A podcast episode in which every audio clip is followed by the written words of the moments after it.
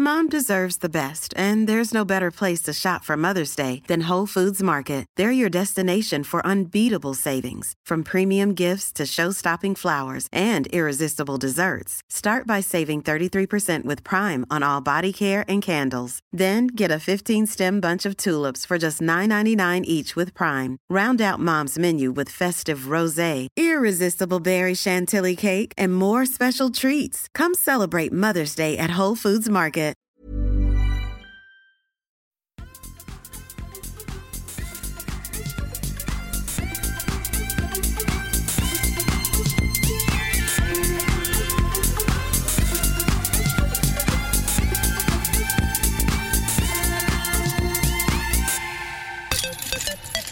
Sådär, hjärtligt välkomna ska ni vara tillbaka till Kedja ut en podcast om discgolf. Denna gången för hund...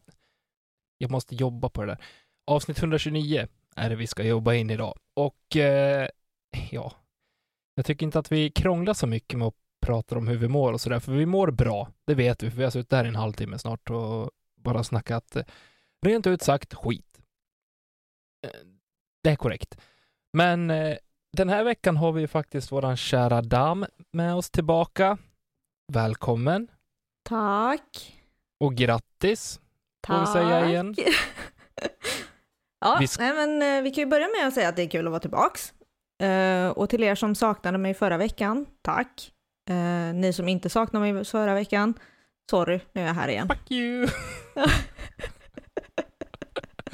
Nej, Nej, vi är vi otroligt glada att ha dig tillbaka. Är det. Och som sagt, vi ska börja att, eh, vi ska avhandla hela NT. Men som sagt, stort grattis till vinsten. Jag tror inte att det har gått någon obemärkt förbi I totalen alltså. i totalen, exakt. Men det är Ja. det enda som spelar roll, kan jag tycka. Ja, egentligen. Egentligen så är det så. Men jag tänker Lina, du ska få börja ta oss igenom hela resan eller hela helgen. Eh, och eh, berätta lite grann, hur gick tankarna inför, inför, under och efter och eh, vad var känslorna när du tog emot guldpokalen? Um, ja, alltså vi kan ju börja lite så här i uppladdningsveckan. Det hade varit en riktig pissvecka förra veckan rent ut sagt. Uh, lite därför jag tyvärr inte var med i förra avsnittet. Uh, jag mådde inte asbra. Men i alla fall, ons, eller vad säger jag, ehm, torsdagen kom och jag tänkte att hmm, kanske är det dags att börja kasta lite. Jag har inte rört mina diskar på två veckor. Eh, vi ska se ifall jag kommer ihåg hur jag puttar. Går ut och ställer mig och ska putta lite och eh, jag har glömt bort hur man puttar. Det är min största rädsla någonsin typ över vintern. Om man har, inte har kört putträning på ett tag och så kommer man ut och så bara, vänta nu, så här brukar det inte kännas. Höger fot fram, vänster fot fram. Nej. Eh, Vilken stance det hade varit. vad, Sittande stolen utan stol och bara, Ja men exakt. Nej, men bara går ut och ställer mig och puttar och så bara, det här var obehagligt. Det bara, allting i kroppen bara kändes fel. Och jag bara såhär, okej. eh, ja men jag drar några inspel då. Och sen bara, men hur gör jag? Alltså det var, det var som att kroppen bara så här, hej då. Vi är inte kompisar längre. Bara, nej okej, uppenbarligen. Um, så att... Uh, ja, det var ju kul. Men efter en, en timma där någon gång uh, så ehm, kom jag lite in i det igen. Det kändes ju bra eftersom jag skulle åka ner till Falköping på fredagen. Um, fredagen kom och eh, jag fick med mig Amanda, min vapendragare, eh, och vi stack ner till Falköping där vi träffade Victor Jonsson och Max Regitnik. åh, luktar gick- seriös träningsrunda. Ja, eller hur? jag sa till Amanda på vägen ner bara håll i dig för nu blir det inte mycket seriöst alltså. Det osar Det- ju inte fokus. Men jag älskar verkligen att gå mina träningsrunder med Viktor. Alltså det finns ingen människa i hela världen som kan få mig på så bra humör som Viktor gör. Det räcker att vara med honom i typ två minuter så har jag liksom kramp i magen. Eh, Jag förstår för vad du att- menar. Ja, nej men alltså han är underbar verkligen. Uh, och sen ja, man får liksom lite så här, ja, men en skön känsla. Även om jag spelade skitdåligt på träningsrundan, alltså det var mardröm. Uh, så går man ändå därifrån och liksom är nöjd för att man är glad. Och det är ju typ det viktigaste på träningsrundan. Uh, sen så... Vara nöjd eller vara glad? Äh, vara glad. Ja, just det. Ja. uh, och alltså det var ju ingenting som satt. Det var så här, linjerna var kaos, kasten var kaos, distansen var kaos. och så kommer vi till hål 14 på uh, ja, Mösseberg då.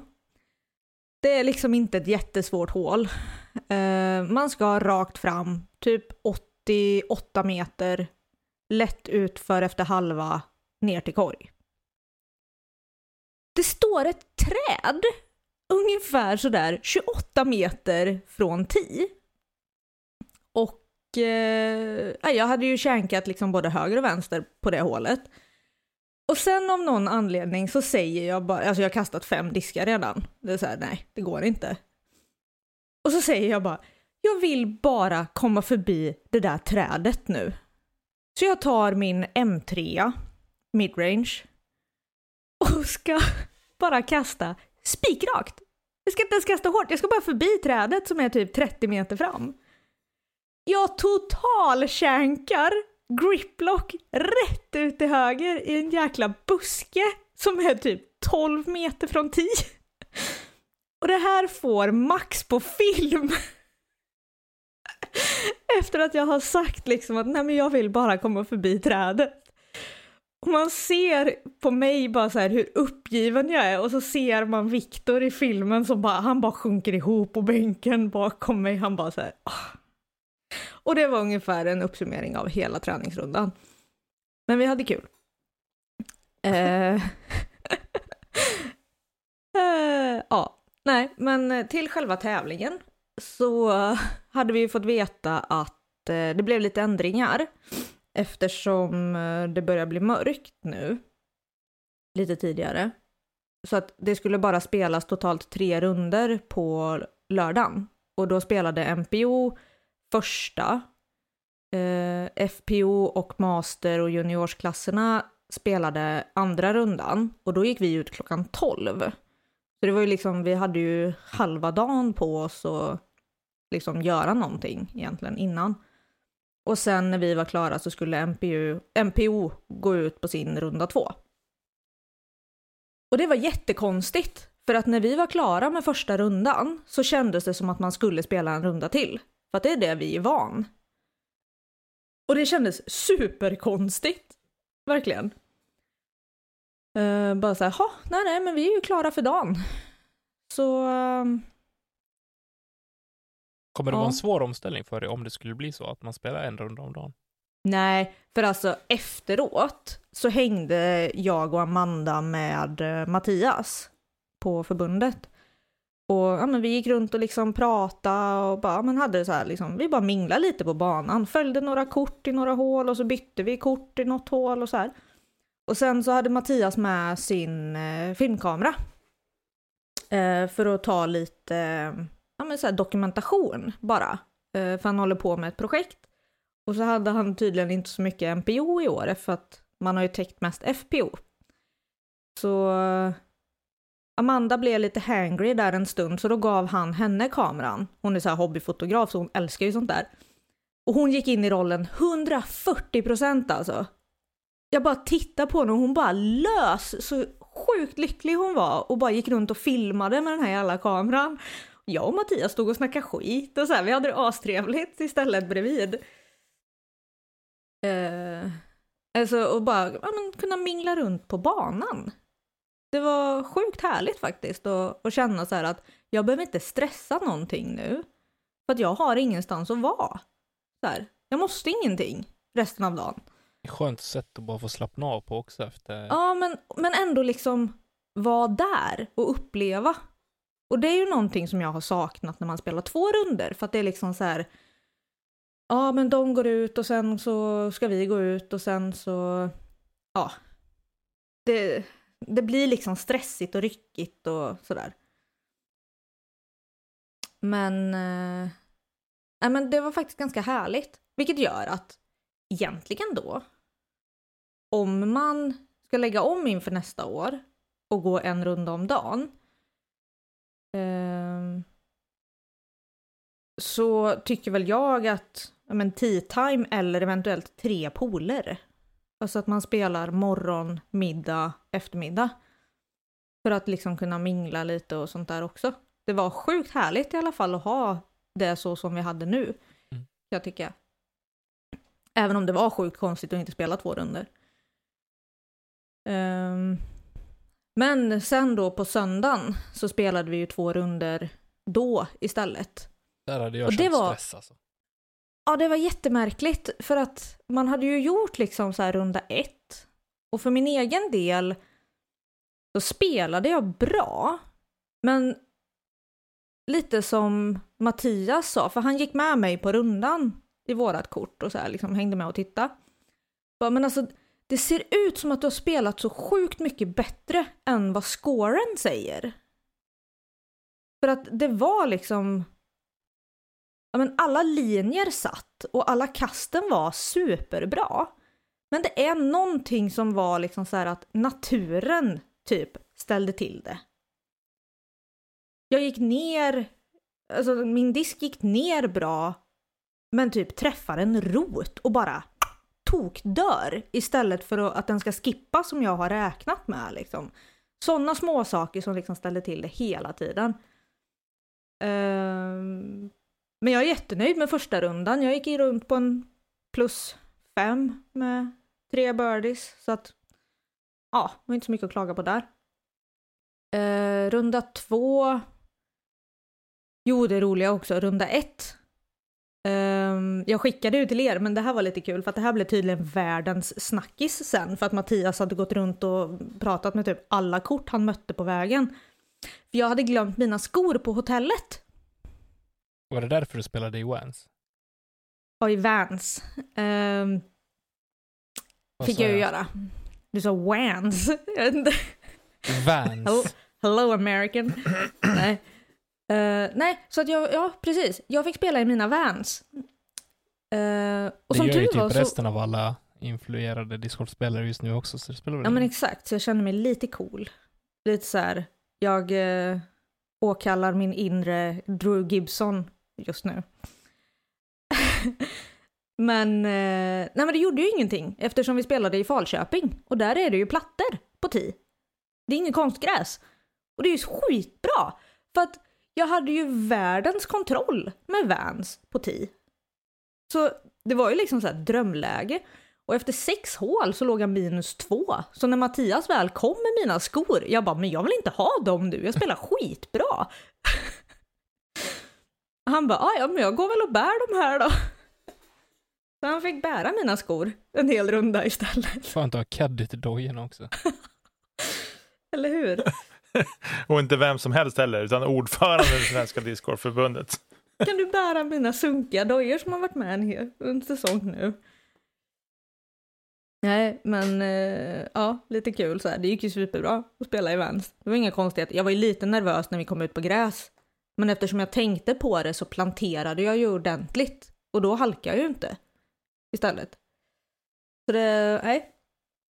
Det var ju nice. Eh, runda två sen så tog jag ju på mig mina riktiga skor.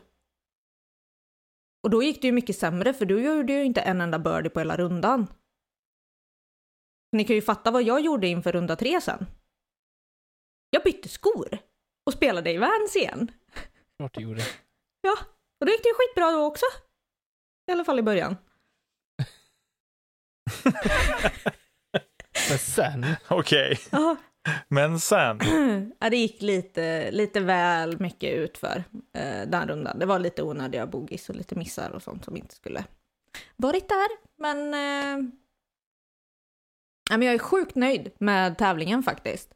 Ehm, jag gick plus fem, plus sju, plus åtta. Eh, så ja, nöjd med det. Och alltså målet var ju egentligen att bara spela avslappnat och ha kul.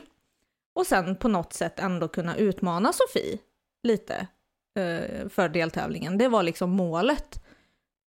För inför tävlingen så var det ju bara Linda som kunde gå förbi mig i totalen. Och hon var tvungen att vinna eventet. Och det är ju så, alltså när Sofie är med så man blir lite avslappnad på så sätt. Eh, för alltså det är klart att Linda kan rå på henne. Men Sofie är fortfarande så fruktansvärt stabil. Så att det hade blivit väldigt, väldigt svårt. Eh, och jag då skulle behöva komma toksist och det hade ju kunnat hända med tanke på hur träningen var på torsdagen. Så ja, men ändå efter så här, första rundan så kändes det ändå bra. Så att jag kände på något sätt att jag kunde slappna av och bara försöka liksom att göra en bra tävling. Och det blev det ju. Jag snittar eh, fyra kast per runda bakom Sofie. Och ifall man ska använda ratingen som någon typ av måttstock så ska det ju vara 6,3 kast.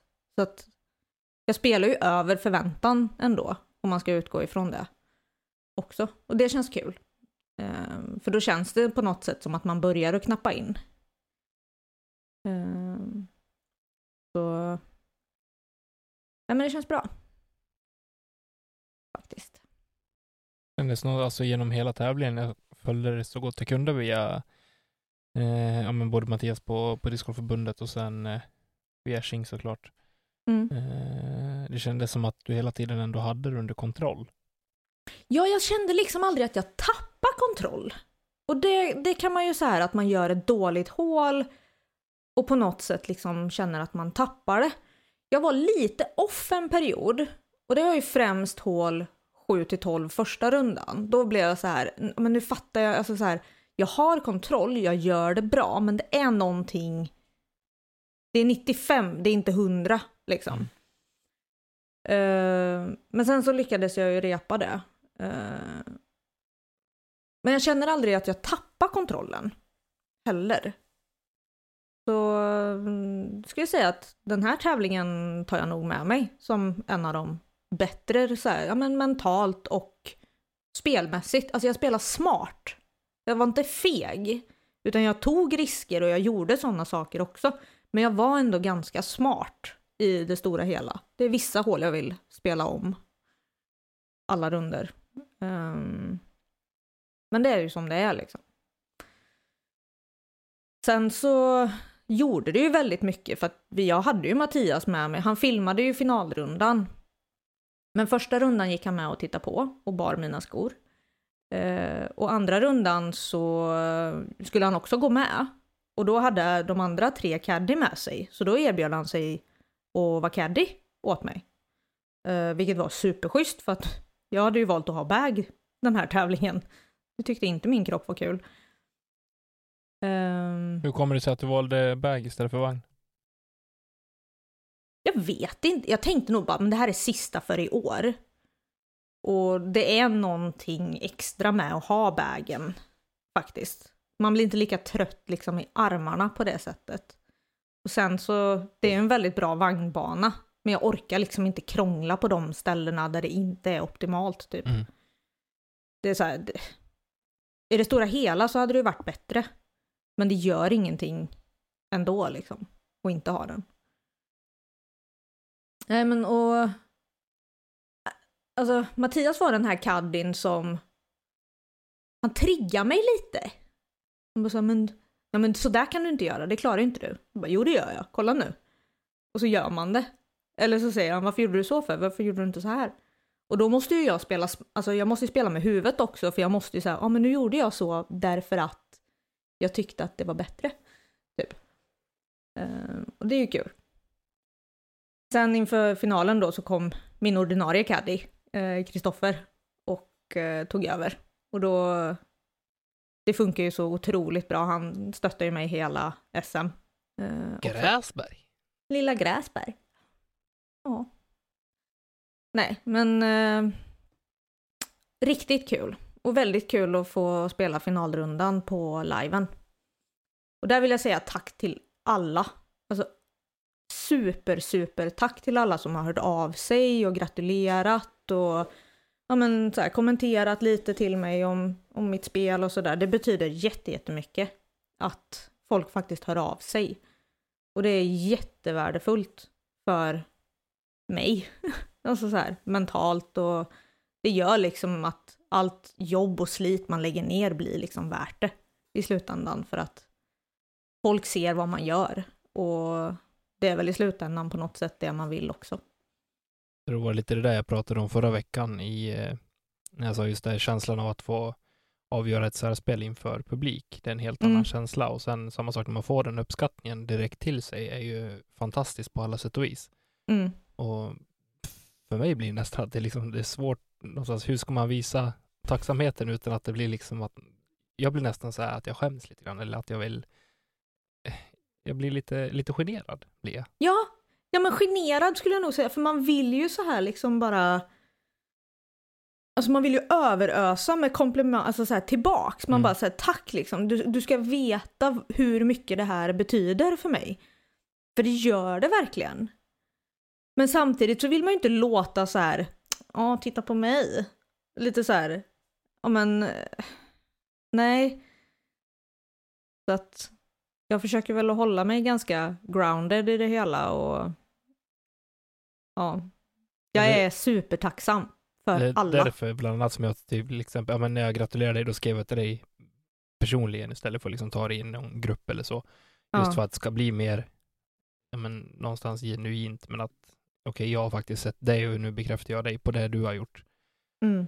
Eh, sen kan det vara på vad som helst på en tävling eller om man har varit en god människa överlag. Men jag tycker någonstans så blir det mer personligt på det sättet. Och kanske Ja, lättare att ta emot på ett annat sätt också, upplever jag själv i alla fall. Mm. Ja men annars blir det så här, tack.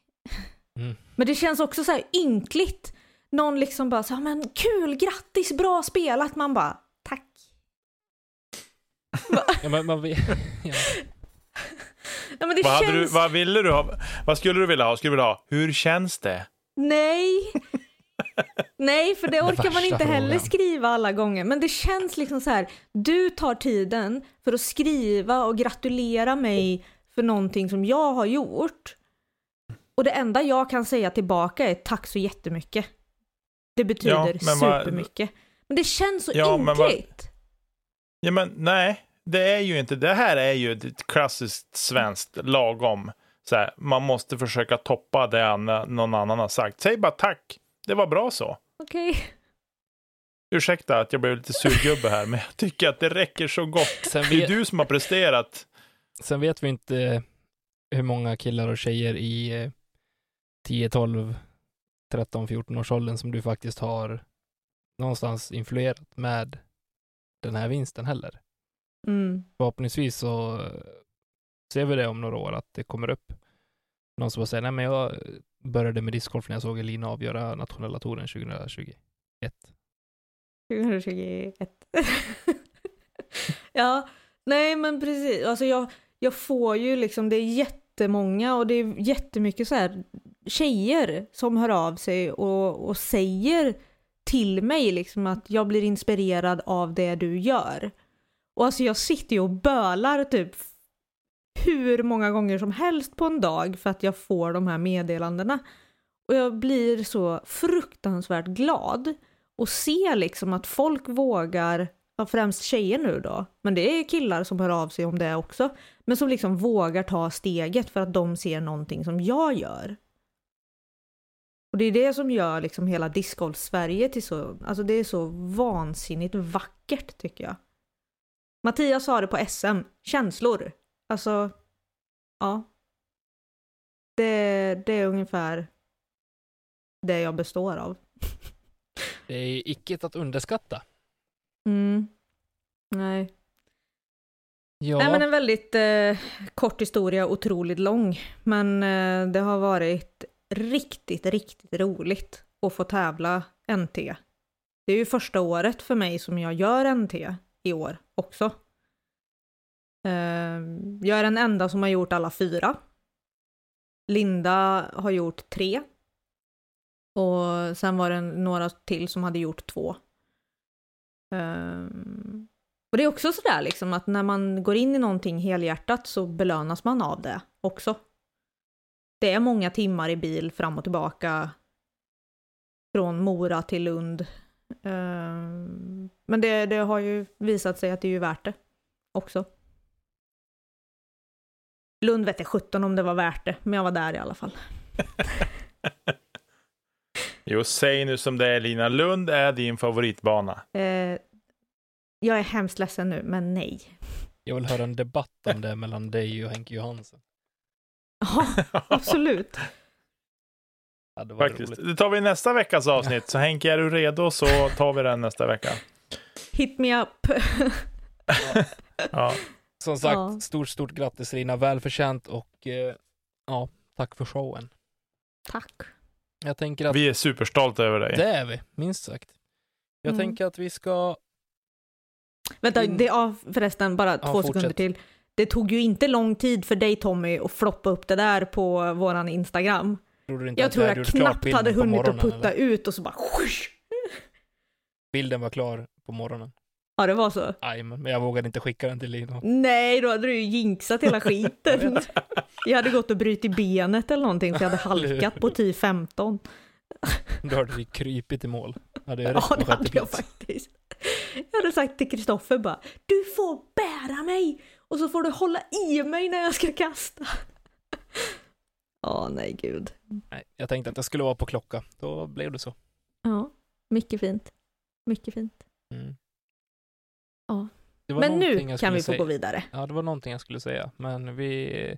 Jo, det jag ville säga. Någon jag är väldigt imponerad av utöver dig, Lina, det är Amanda i helgen. Ja, Vilken jäkla fighting spirit att ta den tredje platsen. herregud. Och jag tyckte så synd om henne i början av rundan när hon, ja jag vet inte fan vad hon gjorde, hon var så sjukt nervös. Det är ju hennes första NT. Hon får spela på lead card med mig och Sofie. Och hon får bli filmad live. Det var liksom allting bara, det bara kortslöt i huvudet på henne. Och så får ju jag gå in, eftersom jag tränar mycket med Amanda och coachar henne i mycket. Jag fick ju bara ställa mig och titta henne i ögonen och bara, nu lägger du av. Nu andas du fyra andetag på vägen fram till din disk. Och så vill jag att du räknar långsamt från 10 neråt innan du gör någonting. Och hon bara, "Ja, okej, så här. Och sen så släppte det ju som tur var efter en liten Ja, stund. ja. Men alltså det... Vad, vad, fan gör du? Det här är... in- Åh! Sluta tänk! man blir liksom så frustrerad när man vet vad hon kan. Och sen på hål fem så började det ju släppa som tur var. Ehm. Men det var ju hela tiden fram och tillbaka, fram och tillbaka. Amanda Linda, Amanda Linda. Och hon hade ju koll på skåren också, så hon visste ju vad hon behövde göra. Hon hade det. Ja, Ja. hon hade stenkoll. Och hon, vi visste ju liksom det att hon behöver göra par på 18 tror jag det var. Japp. Och när vi hade sett vart Linda låg på hål 1. Var, var hon OB där? Nej, Jag uppfattade det som Men, Mattias, så då eh, tänkte jag nu är det klart. nej, men hon, hon var ju tvungen att göra birdie. Men jag tror inte hon Nej, låg i något riktigt birdie-läge. Tror jag det var. Eh, nej, och då var det ju bara att spela ut. Egentligen. magiskt. Nej, som sagt, otroligt imponerad av hennes insats också. Ja, Någon Nicke. att hålla koll på nästa år. det kommer vi ha. Nicke, här sidan. Kort och koncist. Fick du rätt eller? Ja, det fick du. Och vadå? Men han är Har ni haft ett hemligt samtal? Tippningen, på tippningen, men jag var feg också, det sa Linus Karlsson. Men jag hade Max som bubblare också. Vad kom Max? Fyra. Fyra vart han väl Vem hade jag tippat? till slut. Jag hade tippat Henke Jansen, ja. Han ihåg. tog pallplats och gjorde ett ace. Ja, det gjorde han. Så jag kallar, Ja. kammar hem en grand slam i helgen kan jag säga. Så känns det för mig. Ja, Mm. och en, en ändå hyfsat otippad tvåa får vi ändå säga. I Melker Men Molin så som... eh, kul. Ja, Det, Ja, jätteroligt. Superroligt. Jag hade kontakt med honom efter tävlingen och han, hade siktade, han siktade på topp 10, Mm. men det vart ju bättre än så. Nej, det blev Eller det vart 10. topp 10, men, men det vart, ja, men han hade varit nöjd med en, med en tionde plats kanske, nionde, åttonde också. Men Ja. det, det vart ju otroligt bra för honom. Ja, Så roligt. Jag pratade lite grann med honom också i, ja, men precis efter rundan och han, eh, han var nöjd. Mm. Jag fick Ja. ju ta emot honom när han kom efter att ha hålat ut. Så kom de ju upp för att vi stod ju på ettan och väntade på att vi skulle börja våran runda. Och de hade prisutdelningen där uppe vid ettan. Det var så himla roligt att bara liksom få gratulera honom för att ja, men alltså det är lite som, som så här best of the rest. Mm. Det är det var verkligen exakt det. så Mm. han sa till mig också. Ja. Men det var ju det som, det var någon människa som sa det till mig på SM också. Det är så här, ja men du har inte bara liksom gjort det här utan det är liksom det bästa som har gått. Mm. Om man ska jämföra liksom. Det var ju som, som eh, Helleblad sa också, ja men två är det bästa man kan bli i Sverige just nu. Mm. Så, ja men det är ju stort. Det är det verkligen. Det är otroligt bra gjort. Mm. Och eh, i samband med det så fick vi en intervju med Linus Karlsson och eh, han siktar ju på två resor över nästa år. Slipper vi spendera tankar och funderingar på det. Eh, så förhoppningsvis så blir det av. Det ska bli kul att följa hans och förhoppningsvis fler svenskars eh, ride till eh, the big US. De är några stycken. Jag Ja. vet inte riktigt alla, men de är några stycken faktiskt. De ska Nej, jag vet Linus och Robin i princip. Ja, men jag tror det är någon mer. Ja, det mer. hoppas jag verkligen. Att det. Ja. Mm. Eh, Som sagt, nej, otroligt kul. Och eh, ska vi sammanfatta Linus säsong så är det väl typ att han vinner allt han ställer upp i förutom EM och då blir han tvåa. Inte en till Lund. Nej, just det, en till Lund ja. Mm. Det glömde jag. Mm. Ja, Då kommer då är det väl en okej säsong då.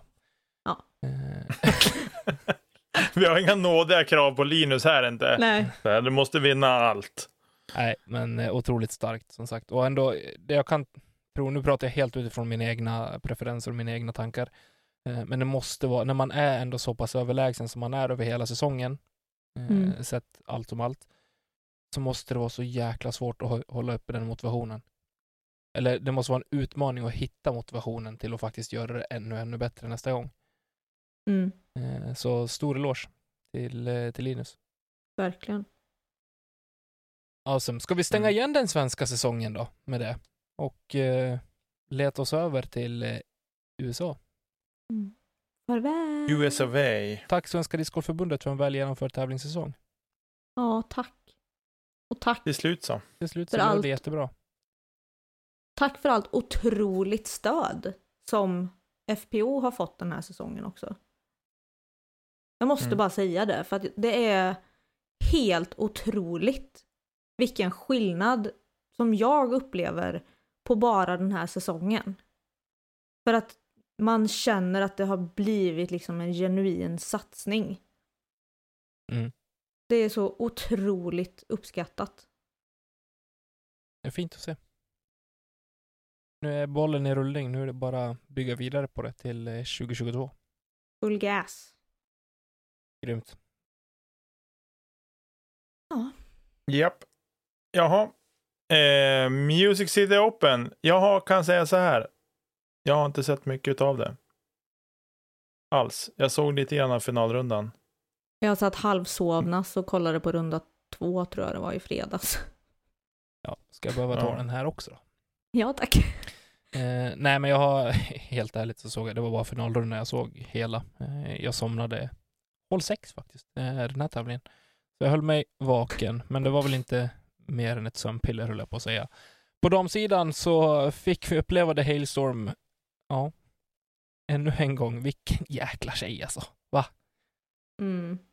Hon eh, showade loss runda tre och runda fyra rejält och eh, sprang hem med vinsten ganska komfortabelt.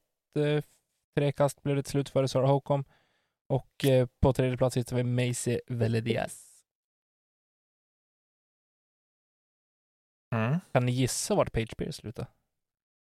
Nej, jag, jag kände att jag behöver öppna länken här nu och kolla vad som hände. Hon slutar tied for 13. Ursäkta? Det är korrekt. Hon får stryk av Jessica Weiss, Maria Oliva, Juliana Korver, Missy Gannon, Heather Young, Connor Pennis, Alexis Manduano och Valerie Manduano och Katrina Allen och pallplatserna som jag nämnde i början. För mycket skog alltså. Uppenbarligen någonting som inte stämmer. Ja, hon eh, hade väl egentligen inte någonting med det att göra. Jag ska säga. Någon runda. Finalrundans puttning var 67 procent. Och då vet vi att Fairway eh, hits var 79. Så att, Ja. Eh, så kan det gå. mm. Ibland och som sagt, som Nicke brukar säga, vi har inga höga krav. Nej, eh, jo, det har vi. På henne ska vi ha det. Ja, Ja. Topp 10 tycker man att hon ska sluta i alla fall. Ja, det tycker vi också att hon ska. Topp top 5 snudd på. Ja. Men Mm. Men så kan det vara. Men Ja. det var fantastiskt att få se Hailey King i den eh, formen hon visade upp. Hon startade sista rundan med sex raka birdies. Mm. Och då, då vet man vad man har väntat sig om man inte heter Hailey King. Så det borde gott inför eh, Throw Pink om eh, ja, drygt en och en halv vecka. En vecka. Mm. Men när ni hör det här, åtta dagar. Men Mm. mm. den stora snackisen. I MPO. De Ska du flesta välja bara- raljera, Nicke? Eller vill Elina bara Ja. skjuta ut någonting riktigt? Du kan väl få varva upp lite grann, för det är du som verkar ha jagat upp det mesta Ja, här. men Jag har ju så bara här. till, till, tillfört lite info. Jag blev ju förbannad när jag såg det. Jag upplevde det själv i realtid. Plus minus några sekunder beroende på hur långt efter streamen var. Men ni fattar vad jag menar. Men Mason Ford leder tävlingen. Har i och för sig inte saker med, med saken att göra egentligen, men eh, på hål nummer 15 så kliver han upp och så shankar han en drive. Han ligger så brunt så det finns inte. Alltså han, fairway är jätteöppen och så finns det på vänster sidan var det massa skog och träd och och den här ruffen, är- den är ruff. Alltså du, du klarar knappt av att trycka fram en hand liksom framför dig för att det är så mycket löv och pinnar Bös. och taggbuskar och bös i vägen. Mm. Och där ligger han. Och eh, ja, efter, Nicka har klockat det här och två minuter och 14 sekunder tog det innan de hittade disken. Och ja, det är väl fine liksom. Då, allt väl, tänker man. Sen tar det tre minuter och lite drygt en halv minut innan han liksom har, har linat upp sig själv. Och så tar det Okej. ytterligare typ en och en halv minut innan han har kastat. Och jag måste vara jäkligt klar med här. Det är ingen rolig lie, absolut inte. Jag ryste lite grann när jag såg vart han låg någonstans. Vill ni se det här så kolla på vilket coverage ni vill eller vi spela upp liven igen eller någonting. Eh, det är svårt att förklara exakt hur grisigt han faktiskt låg. Men hemskheter vad förbannad jag blir på discgolfen. Alltså på discgolfare. På hans kort. Varför tar man inte sitt jävla ansvar och kollar honom på det här? Mm. Varför står man bara där? Ja, jag ska få kasta. I Jag sex vågar inte minuter. göra mitt nästa kast. Men på, på riktigt? Ja, men, Men alltså, så här, ta jag, ansvar! När jag såg, jag, Kolla honom! Och gör, alltså, det ska inte gå till så här. Vi kan ju skrota hela jävla regelboken om det ska vara så här. På högsta nivån. Alltså jag, jag hade, det, var, det här var så lite lustigt. Jag eh, hade igång sändningen igår kväll och sen PP iväg och spelade innebandy. Och idag När du jag kom slog igång tillbaka från TVn träningen så hade han inte kastat den.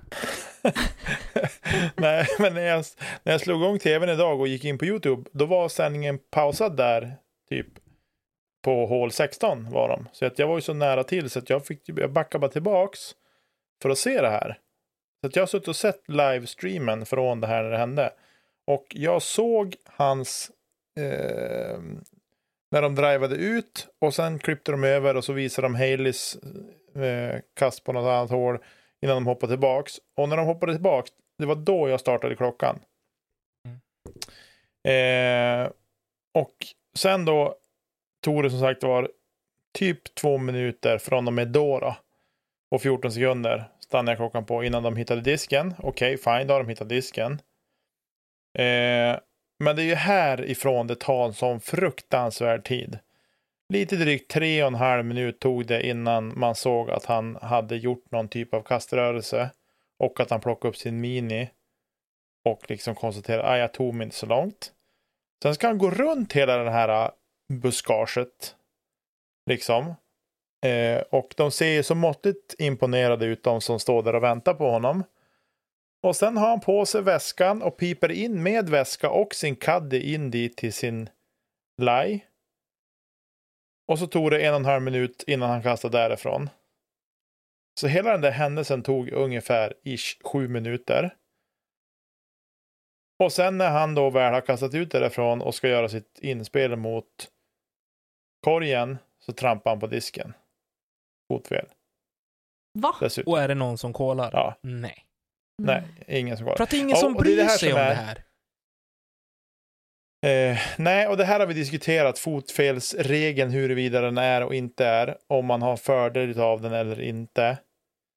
Men om vi inte har regler för att följa dem, eller att de ska vara godtyckliga, så blir det ju problematiskt. Tycker jag.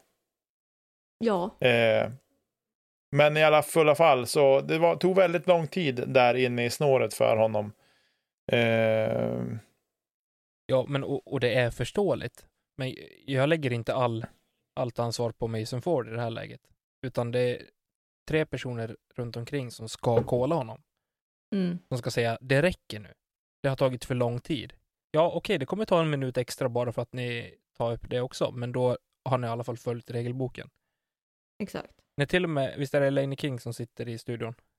På NTS? Ja. När till och med hon, man hör på henne hur frustrerad hon är i studion. Mm. men Och ber honom Philo säger också flera gånger. Ja, Ja, säger också, tar ju också upp det och säger att ah, men nu, måste han, nu måste han kasta. Mm. Eh, och sen också den här när de börjar, det är ingen som startar en klocka heller. För att då börjar, börjar, börjar hon, Elaine Kina, prata om att, ja, men att han är redan så stressad och det är inte schysst när han är i ledning och så vidare och så vidare. Det handlar inte om att vara schysst? Okej. Så regelboken är godtycklig då också för att någon råkar leda? Ja. Nej, jag vet inte. Jag tycker att det är, jag tycker att det är otroligt märkligt att det är så, kan man säga slappt, Mm. sett till regelboken på, på proffstouren. Det är Slappt är oansvarsfullt. nog eh, en underdrift, men det är nog rätt ord. Ja, jag vet inte om slappt är rätt ord, men alltså, förstår ni vad jag menar? Att, Ja. att det, är lite, känns som att det är lite godtyckligt när man ska anamma eh, regler och inte. Mm. Och det tycker jag är, är trist. kan ta ett exempel Faktiskt. från våran första runda i lördags när jag gick med Jenny Larsson och Pernilla... Nu- Fågelfält. Ja, eh, precis. Alltså vi hade konstaterat att eh, disken hade gått OB redan. Och vi skulle gå över vägen för att hitta den för att hon vill ju säkert ha den eh, senare på rundan. Så fort vi liksom konstaterar att vi behöver leta efter disken så säger Jenny bra, jag startar klockan. Och så gick vi och letade efter disken. Alltså det var liksom inte ens, det var inte snack om saken ens, utan det var så fort vi visste att vi skulle leta efter disken, så var det bara att starta klockan. Mm. Sen så hittade vi den, som tur var. Eh, vi hade ju tänkt att ge upp det för att gå tillbaka och leta sen. Efter rundan, eftersom det bara var en runda. Eh, men så hittade vi den ju ungefär lagom till att vi säger att nej men nu skiter vi i det. Det är då man brukar hitta diskarna. Ja, eller hur? Mm. Det är normalt. Man hittar den alltid där man letar sist. Vilka tror ni hade Ja. behövt vara på samma kort som Mason Ford vid det här tillfället för att det faktiskt eh, skulle kollas? Nicolo Castro. Paul Macbeth. Varför jag säger Nico här, det är inte för att, att på något sätt eh, vara komisk. Utan han är den enda jag vet om som aktivt kolar fotfel och sånt. Mm, Han kolar folk. jag har hört tre, eller jag har sett tre personer göra det på post Mm. coverage eller, och live coverage liksom Mm. ihoplagt. Det är Paul, det är Nico och det är Samuel Lisotte. För jag har sett Nico kola Ricky Mm. på fotfel när Ricky trampar 10-15 centimeter för långt bakom disken. Han är inte framför. Utan han är liksom för långt bak. Han är över 30 centimeter bakåt. Det Mm. kollar Nico för. Och det är ingen som håller med Det är ett honom, klassiskt han, klipp. Ja, Han blir ju galen Och- för att ingen håller med ja, honom. ja, ja. Får inget medhåll från någon annan och Nico bara flippar ur. Visst är det Albert Tam som är med på Ja. samma kort där också? Jag har för mig att det är någon Ja, jag tror att han är med och så nej, jag vet inte om det är Nate 16 är med också eller nej, det är eh, Ja, det, det är ointressant Ah, egentligen. skit i samma. Vilka, Jeremy Colling tror jag är med, men skit i samma. En annan jag kom på som skulle kolla på time. Johnny McRae. Ja. Mm, Han skulle också ta, han skulle också kunna ta den. Mm. Eh, faktiskt. Så. Ja, men nog om det. Det var, det Jag kastar in tog en Patrick Brown där tid. också för han är otroligt noga med reglerna. Ja, precis. Eh, men nog om det. Det är ju, det är trist på något sätt att det blir så här. Mm. Eh, så. Men det gör ju Ja. i alla fall att det blir en playoff Ja, precis. mellan eh, Ricky och Mason. Den var ju inte lång. Ehm, för det avgjordes på första hålet. ja. Men Rick har ju gett upp. Alltså, Han, men Mason parkerar ju hålet eh, i särspelet och Ricky ligger lite kort. Men den putten, det är inte Ricky som puttar den. Ricky är inte där. Mhm. Alltså han är, han är så frånvarande så det finns inte. För han lägger, alltså den hinner ta i backen innan den har liksom nått bullseye i princip. Oj, Det är ett sämre upplägg. Ja okej. Ja, det är ju tråkigt. Precis. Men men, så är det. Och eh, på tredje plats kommer Adam Hammes va? Ja, Grymt. ett kast bakom. Bra. Då, det var ju sista nationella touren, eller National Tour, på amerikanska sidan av Atlanten och eh, ja, vi får väl se om det är den sista någonsin. Det vet vi inte. Ja, med all Jag rabalder runt PDGA i år. Så. Ja, men ska vi, såg du Page Pierce eh, story? ja, men det är väl klart att jag Men gjorde det. det är bra åt satan. börja inte. Hon och. Holly Finley är alltså ute och, och ska provträna. Ja, Och är det här dagen innan? Eller någonting sånt? jag vet. Ja, det är före tävlingen börjar i alla fall. Mm. Men det finns inga korgar för FBO Lehoten. Nej, Korgen ska stå där, men den står inte där. Men vad kul. Vad bra. För att det är så sjukt lätt att träna på någonting du inte ser. Det är dags för PDG att bara Ah. signa ut nu. Men, Släppa ansvaret för tävlingarna. Men ändå så kan jag Men tycka... regelboken ska ni att- behålla. Nej, men det, man känner någonstans, men å andra sidan så tycker jag så här, eh, visst att PDGA ska ha en känga, men det är ju arrangören också, Nej, är nej, en nej, känga nej, nej, till. nej. Det här är, det är PDG som arrangerar nationell, alltså National Tour. Det är PDGs jävla ansvar att eh, det ska vara där. fast det är Sen lite att så de som säger jag... annat, Mm. jag ty- nej. Jo, men de, de anlitar ju förmodligen en, en vad- ja, motsvarigheten Och varför till gör de det? För att kunna säga ifrån sig för... allt ansvar som blir fel. Jo, men vi gör ju likadant i Sverige, att vi an, alltså att klubbarna arrangerar NT och SM och allt vad det är. Liksom. Men Men tar det ansvar. som i alla fall är tanken på svensk mark är ju att vi ska ha en person som åker runt och kontrollerar banorna som är tänkta inför förbundstävlingar. Det är ju en tanke i alla fall. Sen om det blir verklighet Mm. nästa år, ja det får vi ju hoppas. Men alltså, sådana här problem Ja. har vi inte. Nej, Inte att det jag liksom tycker inte- generellt, alltså när man, jag tycker en sak som jag slås över när man har sett de här uh, practice rounds med, med Jeremy Colling och uh, Paul Uleberry och gäster ibland. Mm. Det är att jag tycker att det verkar vara lite halvrisiga T-pads också på ganska många banor. Ja. Om jag får säga det själv. Mm. Eh, eftersom att vi har haft ett par program nu när vi har pratat T-pads och så. Eh, och att det även har diskuterats i sociala medier en del. Mm. så känns det ju lite så här. äh, Ja, märkligt att, men de kanske inte har högre krav än så. Man vet inte hur diskussionerna går heller Mm. i USA. Det är ju mycket betong. Och jag tycker en sak som jag, en sak som jag stör mig på, det är det här när de typ väljer att sätta ut flaggor bredvid tids, jättebred som helt plötsligt gör de en tee som är typ fyra meter bred. Den är fortfarande inom, eh, inom regelverket. Jo, Jo, ish, tycker jag. Jag tycker det där är att stretcha regelverket. Faktiskt. Om du har en tilltänkt T-pad och så väljer du att helt plötsligt att göra en, en och en halv meter åt bägge håll ifrån den. Mm.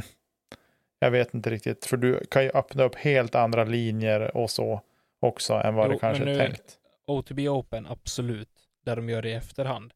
Men tar du till exempel Memorial, som det alltid är så på. Då har du, gum, då har du Ja. gummiundel eller vad, det är någon gummimatta och så kan du välja att ta avstampet på gräset. Eller sanden. Jo. Eller, Ja, det blir Jo, väl en annan precis. sak. Men sen alltså om vi tar typ Portland Open, det är ju så här praktexemplet den här säsongen. Över att Ja. de var ju tvungna att sätta flagg Och var det på Portland utsidan. kanske, kanske? Vad sa du? Var det Portland kanske? Jag tror det var OTB. Nej, jag får mig det var Portland då när Drew skadade sig. Ja, möjligt. ja. För att tiorna Precis. var liksom skit. ja men de var ju Eh. sjukt provisoriska också och bara det är ju Exakt. för dåligt. Då förstår jag det. Annars så brukar man ju säga att det är rain tea. Alltså ifall det är plattor och sånt som inte går att spela på för att det är blött och halt. Så att du, du riskerar att halka och skada dig. Och det är ju därför man sätter ut flaggor vid sidan av tiorna Mm. för säkerhet. Då köper jag Mm. det. Men inte ifall det är ja men kasta här du istället. Men då kanske man får göra det på Mm. ena sidan. Och kanske inte båda sidorna nödvändigtvis. Nej, exakt. Ja. Vet inte. Hur som helst, ett samtalsämne för ett senare avsnitt kanske. Ska vi eh, rulla in i... Vi har, är vi långa eller? Nej. Ja, det vet jag inte. Vi ska beta Jag är av ganska ett, kort. ett litet lyssnartips, eller ett eh, ämne som eh, vi har blivit ombedda att ta upp. Eh, och det gäller, eh, vadå Nicke? Jo, det här lyssnarmejlet jag nämnde för något avsnitt sedan. Eh, så har vi en lyssnare som tycker att vi ska ta upp det här och då tänkte vi, eller ja, jag tänkte att vi ska försöka hålla det lite kort och koncist kring det här. Eh, det här kan man fördjupa sig mycket i över kanske flera avsnitt. Eh, men jag tänker att vi ska ta det här. Om du som ny spelare ska spela din första tävling som inte kanske är en kvällsdisk utan det är en, en PDGA-sanktionerad tävling. Och så, vilken klass ska du anmäla dig i om du inte sedan tidigare har någon rating? Eh, det har varit diskussioner här sett kring det här. Vilken klass ska man välja? Eh, och det finns väl eh, kanske lite grann två läger i det här. En del säger anmäl dig till open-klassen. För att eh, med motiveringen att då man inte vet vilken nivå du är på så är det bäst att spela open. Mm. Eh, Medan andra säger men det är klart att du ska använda, anmäla dig till Novice eller Recreational eller vilken klass som nu är lägst som du får anmäla dig. Du får inte anmäla dig i juniorklasserna som om du är vuxen till exempel. Eh, så. Men då finns det ju lite fiffigt. Vi kan börja med klasserna förresten. Om vi tittar på amatörklasserna som vi har så har vi Advanced, Intermediate, Recreational och Novice. Det är fyra klasser. Eh, och sen har vi Open. Eh, det vi kallar för MPO. Det är Mixed Pro Eh, Open. Professional Open. Pro Open. Precis. Och sen har vi FPO, Female Professional Open. Eh, men i alla fall, Advanced, den täcker från 9.35 i rating och uppåt. Till 970. Eh, Nej, Nej, det, finns inget det, tak det. där.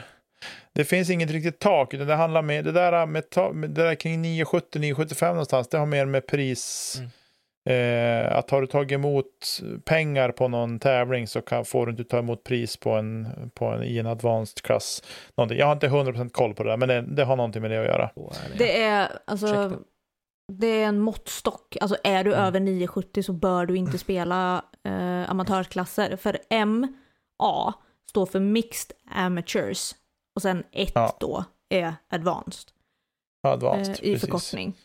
Och eh, om du har tagit emot prispengar och alltså blivit professional på PDGA med din rating, då får du inte spela amatörklasser på majors. Men Mm. i Sverige så har vi inte det. Så att även om du har en prolicens så får du spela amatörklasser i Sverige. Det här är till exempel European Open. Så får du inte spela European Amateur Open om du har en prolicens. Ja, Kort förklarat. Precis. Ja, eh, men nu är det inte de spelarna vi pratar om. Men i alla fall så är det att rent krasst så kan jag tycka att väldigt, väldigt många tävlingar som vi har i Sverige skulle vi klara oss med amatörklasserna. Ja. Eh, så. Grejen med varför man lägger med en proklass, som en parentes här, det är för att du får poäng som spelare. Jag som FPO-spelare vill inte spela amatör för att jag vill inte ha poäng i FA1 till exempel. För poängen för mig som har en rating och en prolicens är att jag kan bli inbjuden att spela Worlds om jag har poäng. Ja. Ja. Precis. Eh, och sen har vi då intermediate som är för spelarna mellan, eller ja, de är ju alltid där om vi från noll. Du får ju alltid med, men upp till dess att du har 935 i rating kan du spela intermediate. Mm. Och sen har vi recreational som har ett tak på 900 och sen har vi novice som har ett tak på 850. Mm. Eh, och då tänker man, ja men jag har ingen aning vilken rating jag ligger på. Och då har PDGA har gjort det enkelt för sig på ett sätt. Först bara lite, Nicke. Eh. Rent spontant, vad skulle ni bara säga? Om det kommer en spelare som ska tävla första gången, vilken klass ska jag anmäla mig till? Och du får bara säga, Recreational. Rec ska jag säga. För det är mitt emellan klassen Eh, i min värld. den är, ja. Jag skulle nog också säga rec för det är inte ofta vi har med advanced här i Sverige. Eh, jag har sett det några gånger men inte jätteofta. Eh, jag skulle säga intermediate. Mm. Jag skulle säga det, ifall jag tyckte att det spelade jättestor roll mellan REC och intermediate. Mm. Men jag tycker att många av de spelarna som faktiskt spelar i REC och hör hemma i REC ofta spelar bättre än många av de som spelar i intermediate Definitivt. scoremässigt nu. Så att jag tycker att de två spelar ingen roll. Eh, och då kan man lika gärna börja i REC istället för intermediate. För att i intermediate så spelar de spelarna med mer erfarenhet kontra ifall du är helt ny. Och då Mm. tycker jag REC passar bättre. Ja, precis. Eh, men PDG i alla fall, de har ju valt att eh, bryta ner det här lite grann och ge lite måttstock kanske man ska säga. Eh, för vilka klasser. Dels så har de med hur många puttar du sätter från en viss distans till exempel av tio stycken. Vilken dag då? Ja, precis. Hemma, hemma i trädgården. Hemma i trädgården. Nej, men lite så. Och sen har de även hur långt du kastar. Och, och även hur länge du har spelat. Mm. Har de inne här då. Och eh, om vi tar kastlängder till exempel. Så advanced så kastar du någonstans mellan 90 och 140 meter. Ish. 300, 300 till, 300 till 450 Då fot. får man alltså inte spela open om man inte kastar längre än 140 meter. Precis. Eh, sen intermediate, det är mellan 250-350 fot, 75-105 meter, ish. Eh, recreational, 200-300 fot, det är 60-90 meter. Och sen novice, 50-75 meter. Det här är bara lite måttstockar. Det dyker upp ganska mycket nya spelare som kanske har en, kastar ganska långt med forehand. De kanske kastar 100-110 meter forehand. Eh, men det är det de är bra på. Mm. Men när de ska träffa sina linjer, när de ska putta, göra inspel och så vidare, så kanske de är mer som en rec-spelare. Förstå mig rätt. Eh, så att kastlängden är ju, är ju inte allt att titta på, så att säga. Eh, men vilken klass man ska... Det där är ju otroligt svårt att säga vad som är rätt och vad som är fel. Eh, det beror lite grann på vilka klasser som finns med också. Mm. Eh, men mitt tips är att är du helt ny in i sporten och ska spela din, för- du har spelat ett tag och vill testa på att spela din första sanktionerade tävling. Spela lägsta klassen som finns. Eh, Prata med Tycker jag. För TD har ofta ganska bra koll på fältet, förhoppningsvis. Och den personen Jo. kanske har lite koll på dig som nybörjare också. kan, jo, kan ha, men det är inte alltid att man har det. Eh, men ja, nej, jag, jag håller med. Prata med TD kan ju vara bra också. Och sen är det vad det för typ av bana. Det kan ju vara hemmabanan också. Ja, precis. Som man har spelat jättemycket. Här går jag minus nio på daglig basis. Precis. Ja, ah, men då ska du ju spela advanced. Ja, precis. Ja, men jag gör det bara på den här banan. Ja, det spelar ingen roll. Ja. Eh, Så det är fin- jag tycker att det är svårt att ge ett rätt svar på den här frågan. Mm. Den är inte helt lätt. Nej. Men eh,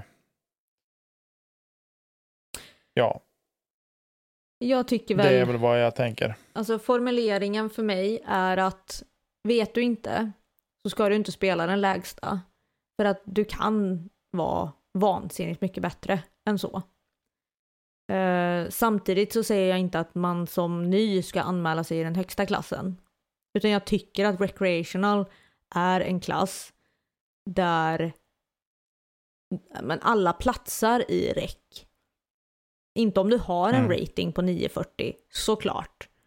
Men jag säger fortfarande att en spelare i rec kan ändå smaska till en dunderrunda och ligga liksom typ lead card intermediate. Det vet man inte. Men spelar man då i rec så kan jag tycka att det blir bättre um, inför första tävlingen. Ja. Det är en bra klass Precis. att börja i också. Absolut. Eh, sen, detta med sandbagging. Varför det nu kallas så har jag lite svårt att få ihop. Man men, drar sina eh, säckiga bollar i divisionen under. Eh, det är att, det vill säga att om du är några fjuttiga ratingpoäng från att kunna kliva upp till nästa klass. Eh, men du väljer ändå att spela i den lägre klassen för att placera sig bättre. Fast jag det håller inte med sticker här. lite i ögonen. Det sticker lite i ögonen på, på våra lyssnare. Mm. Vad tänker vi kring detta? Du, varsågod Tommy, du verkar tycka tvärs emot. Men jag tycker alltså, spelar du alltså jämnt över tid och har en rating som är ja, men under 900, så att du spelar, ja, men du har spelat 899 över ett halvår. Så att du, du, du ligger där kring. Varför ska du då gå upp och spela intermediate om du inte behöver? Mm. Spela recreational, det är din klass. Det är där i så fall du hör hemma. Speciellt om du har haft den ratingen över tid. Däremot, om du gör ett skithalvår och droppar från 940 till 900 i rating. Det är där Mm. jag börjar reagera på sandbagging i så fall. Om du går ner bara för att åh, nu har jag gjort en skittävling så nu kan jag spela i klassen under bara för att vinna. Ja, men det är nog kanske det vi ska tänka att man, att man är. Alltså det är, sån, att det är så det är. Jag tror det Men kan det- vara så det- här. Att personen i sig är kapabel att spela 940 golf, Mm. kanske. Runt 920, 930, 40 där någon gång. Och gör det på ja, men ganska många runder. Men att sen då veta att bara shit, om jag gör det här kan jag inte spela i, säg räck längre. För jag vill ändå ligga där och ligga i toppen runt 900. Och medvetet då gör en dålig runda. För jag menar, det är ju inte skitsvårt att spela dåligt, helt ärligt. Det tror jag de flesta kan åstadkomma ganska enkelt. Eh, Det är bara inte att spela helhjärtat. Och göra liksom, ja men vi skjuter in en 850 runda här som drar ner mitt snitt. Avsevärt. Suget man är på det. Ja men eller hur, men vissa, jag vet inte. Varför skulle man annars göra det? Jag menar sen finns det ju de som bara är sjukt ojämna. Som så här, ja men jag gjorde en 945 runda. Eh, och sen så gjorde jag en 789 runda. Låter som min 2020-säsong ungefär. Eh, pratar om mig själv här faktiskt. Eh. För att vissa, vissa runder bara, det funkar inte. Ja, för mig så är det ju på grund av orutin. Och för att jag är lite dum i kolan. Men Jag vet inte, vissa kanske bara gör så.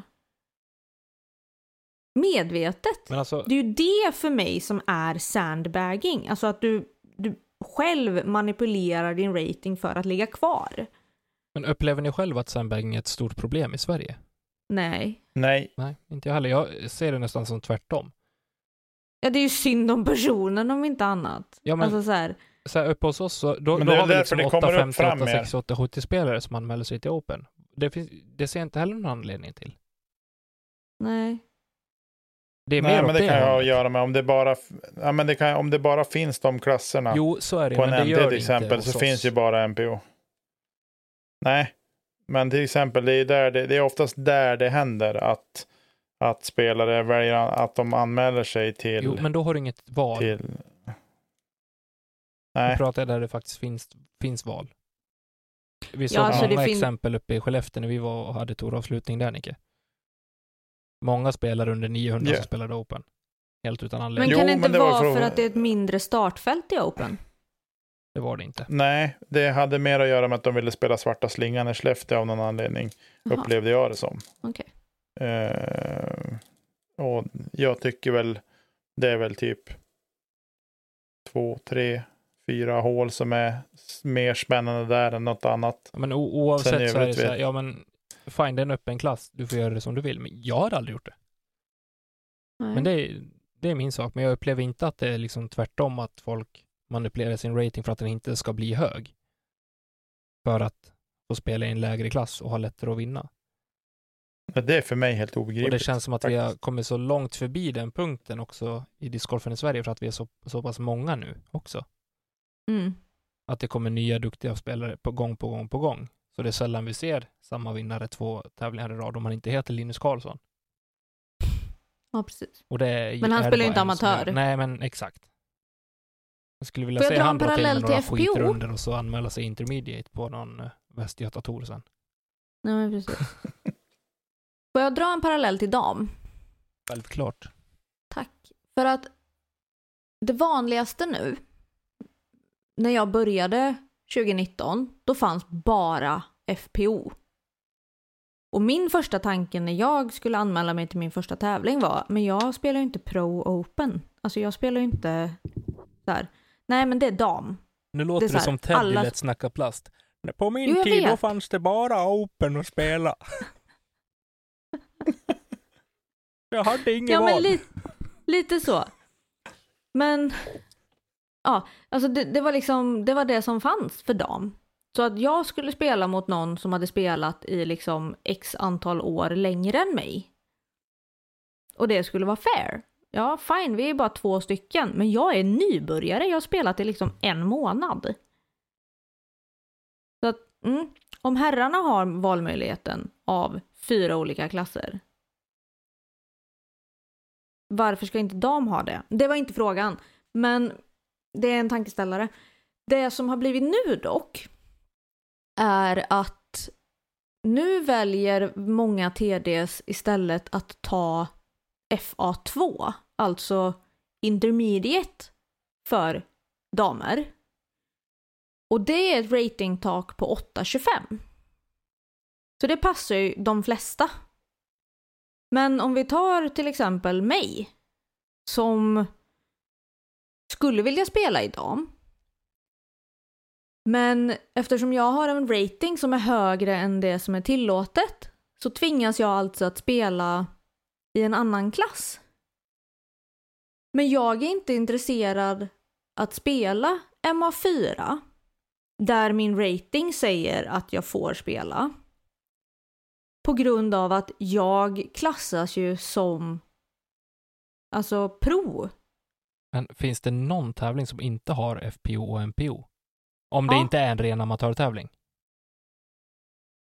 Nej, nej, nej, alltså det här är ju en C-tier liksom. Jo, men jag, tänk, jag förstår, men amatörtouren, om den bara har FA2 eller FA1 och MA1 Ja, som högsta. amatörtouren har ju bara amatörklasser, men Ja. nu snackar jag så här lokal tour liksom. Varför har man inte Open med? Nej, Eller- men man har, man har MPO och så har man eh, MA2, alltså intermediate, man har MA3, recreational, Yes. och man har MA4 eh, i novice. Och FA2, alltså intermediate women. Men var, varför har man inte FPO Nej, för grejen är att eh, det kan jag inte svara på. Varför man gör så. Men ifall jag ska spela, Susar lite Men- i skallen nu du. ja, men ifall jag vill spela med dem som jag känner att mentalt sett så spelar vi på lika villkor. Alltså att jag spelar ju ur ett liksom ja, rutinerat spel. Jag kastar inte jättelångt och min rating säger att jag får spela i novice. Men det är ju inte där jag vill spela. Och för det första så är det inte, det är liksom det intresserar mig inte.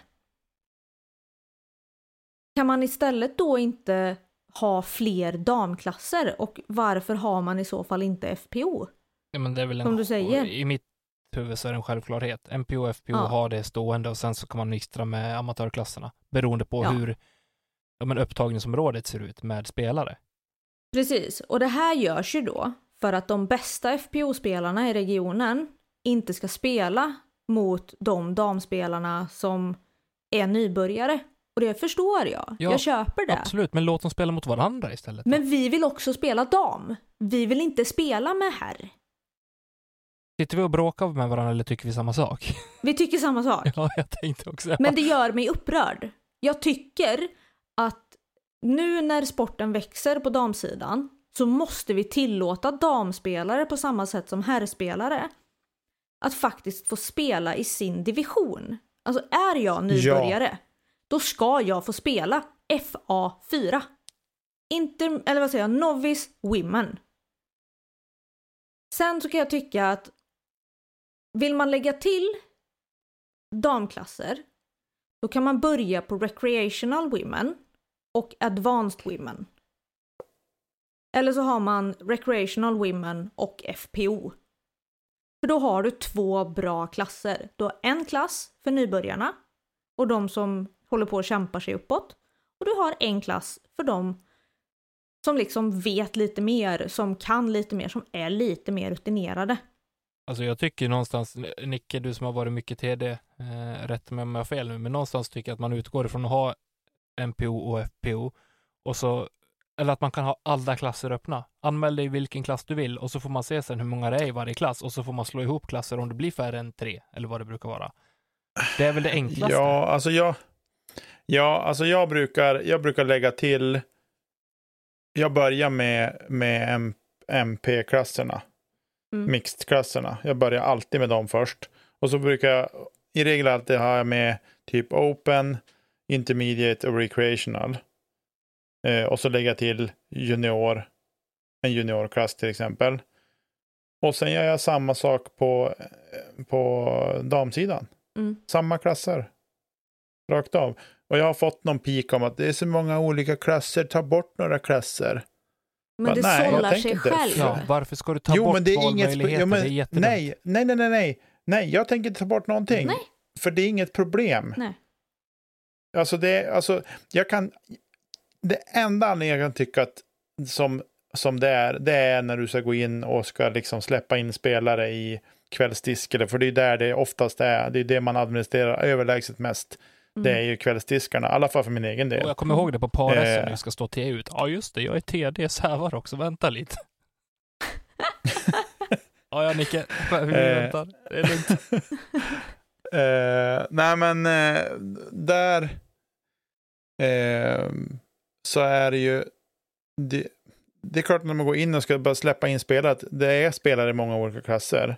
Eller många, men i ganska utspritt. Men jag tycker inte att det är ett problem som TD att lägga till dem. Och jag tycker att det är en självklarhet att det ska finnas samma klasser i mixed som i dam. Det är ingen, för mig är det inga konstigheter. Mm. Jag kan vara ett undantag. Men tvivlar jag jag hoppas att det är jag hoppas att det är fler som tänker på samma sätt som mig, att man har samma klasser i mixed och på dam. Jag hoppas tycker också det. är- jag tycker att det är no-brainer faktiskt att inte Så ha det det. enda jag kan tar- se ställa till problemet är så här, okej, hur många pokaler ska jag beställa? Det är det största problemet. Ja, whoop, säger jag då. Men alltså ifall vi ska ta 2021 som ett exempel nu amatörmässigt. Den absolut största klassen i år för dam, det är recreational. Mm. Och det är spelare upp Och det är jättebra. Ja, det är fantastiskt är det. För det är spelare upp till 775 i rating i dam. Och alltså den är så överlägset stor också. Tar vi amatörtouren med Mellgren, ja då kanske vi är mellan 3 och 6 spelare i advanced, alltså den högsta klassen. Men de kan vara 15 i räck. Mm. Det är, och det, är så här, men det är inga konstigheter ens, utan det är typ lågt räknat nästan. Det är underbart också. Ja, det är det. Det är så fruktansvärt kul. Så att Så. inför nästa år så, ja, det är väl en vädjan om något annat till er som arrangerar tävlingar. Släpp in damklasser. Ja. Och låt folk Det är få no-brainer spela. att inte göra det. Ja, men och låt folk få spela där de ska spela. Ja. I rätt klass liksom. Och sen, ja men blir det inga i FA4, ja men ha FA3 då. Ha FA3 som lägst. Och så behöver du kanske inte ha FA2, utan ta Advanced och REC då. Och låt de Ja. klasserna sköta splitten själv. Det Ja. räcker. Men jag tycker ju också att man inte behöver ha fyra herrklasser, men det är ju min åsikt. Beror på Ja. deltagarantalet. Det, ber- det beror på hur många som deltar. Så sådana saker får man ju ta liksom när man kan se över sådana Sen är det saker. Jo. mixed-klasser, Eh, Elina. Det vet du. Jo, jag vet det. Och fördelen med King är att du kan plocka bort klasser om det inte är någon spelare som anmält sig i dem, till exempel på en tour eller vet så. ni vad vi säger om Shing? det, De är fucking king. Så är det. så är det. Ja, nog om det. Har ni någon annan take på det här, ni som lyssnar på det här? Eh, låt oss veta det i sådana fall, om ni törs. Elina låter så bitsk ikväll, Ja, förlåt. men hon är, hon är snäll. Jag är passionerad, okej?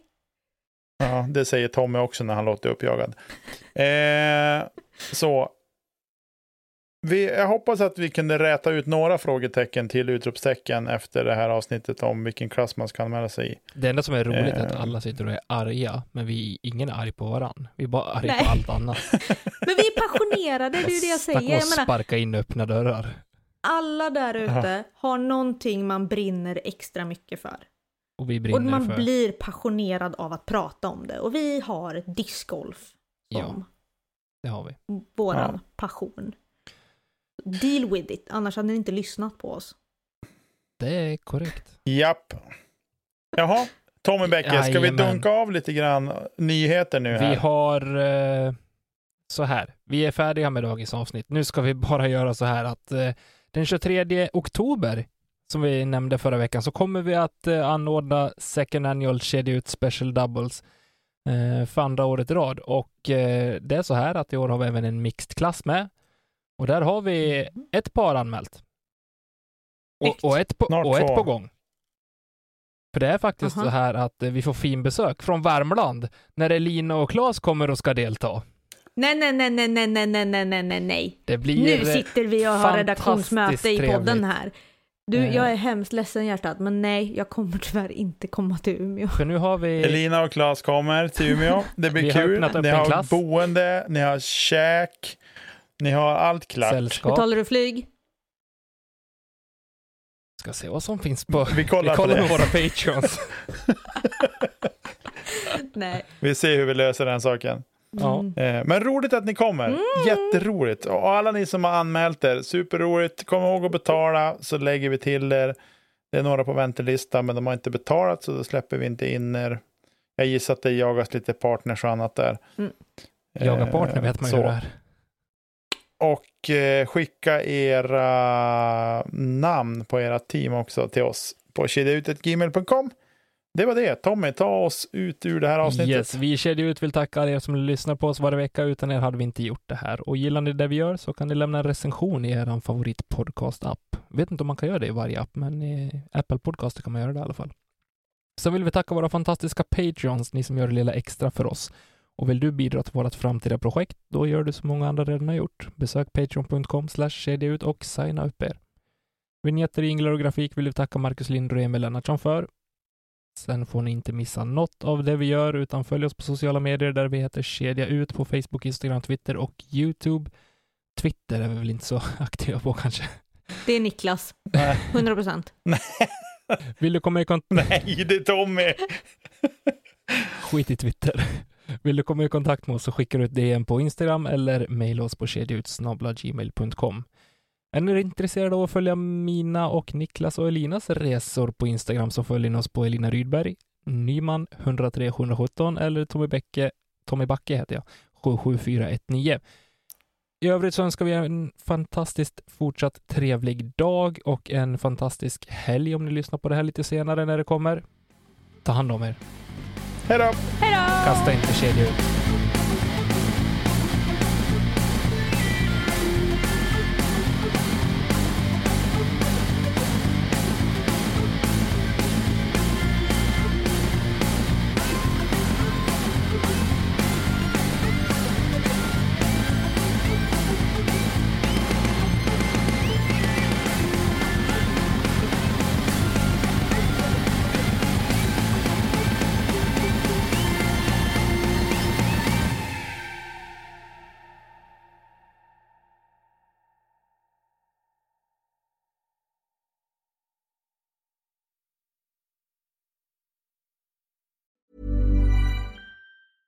Mom deserves the best, and there's no better place to shop for Mother's Day than Whole Foods Market. They're your destination for unbeatable savings, from premium gifts to show-stopping flowers and irresistible desserts. Start by saving 33% with Prime on all body care and candles. Then get a 15-stem bunch of tulips for just $9.99 each with Prime. Round out Mom's menu with festive rosé, irresistible berry chantilly cake, and more special treats. Come celebrate Mother's Day at Whole Foods Market.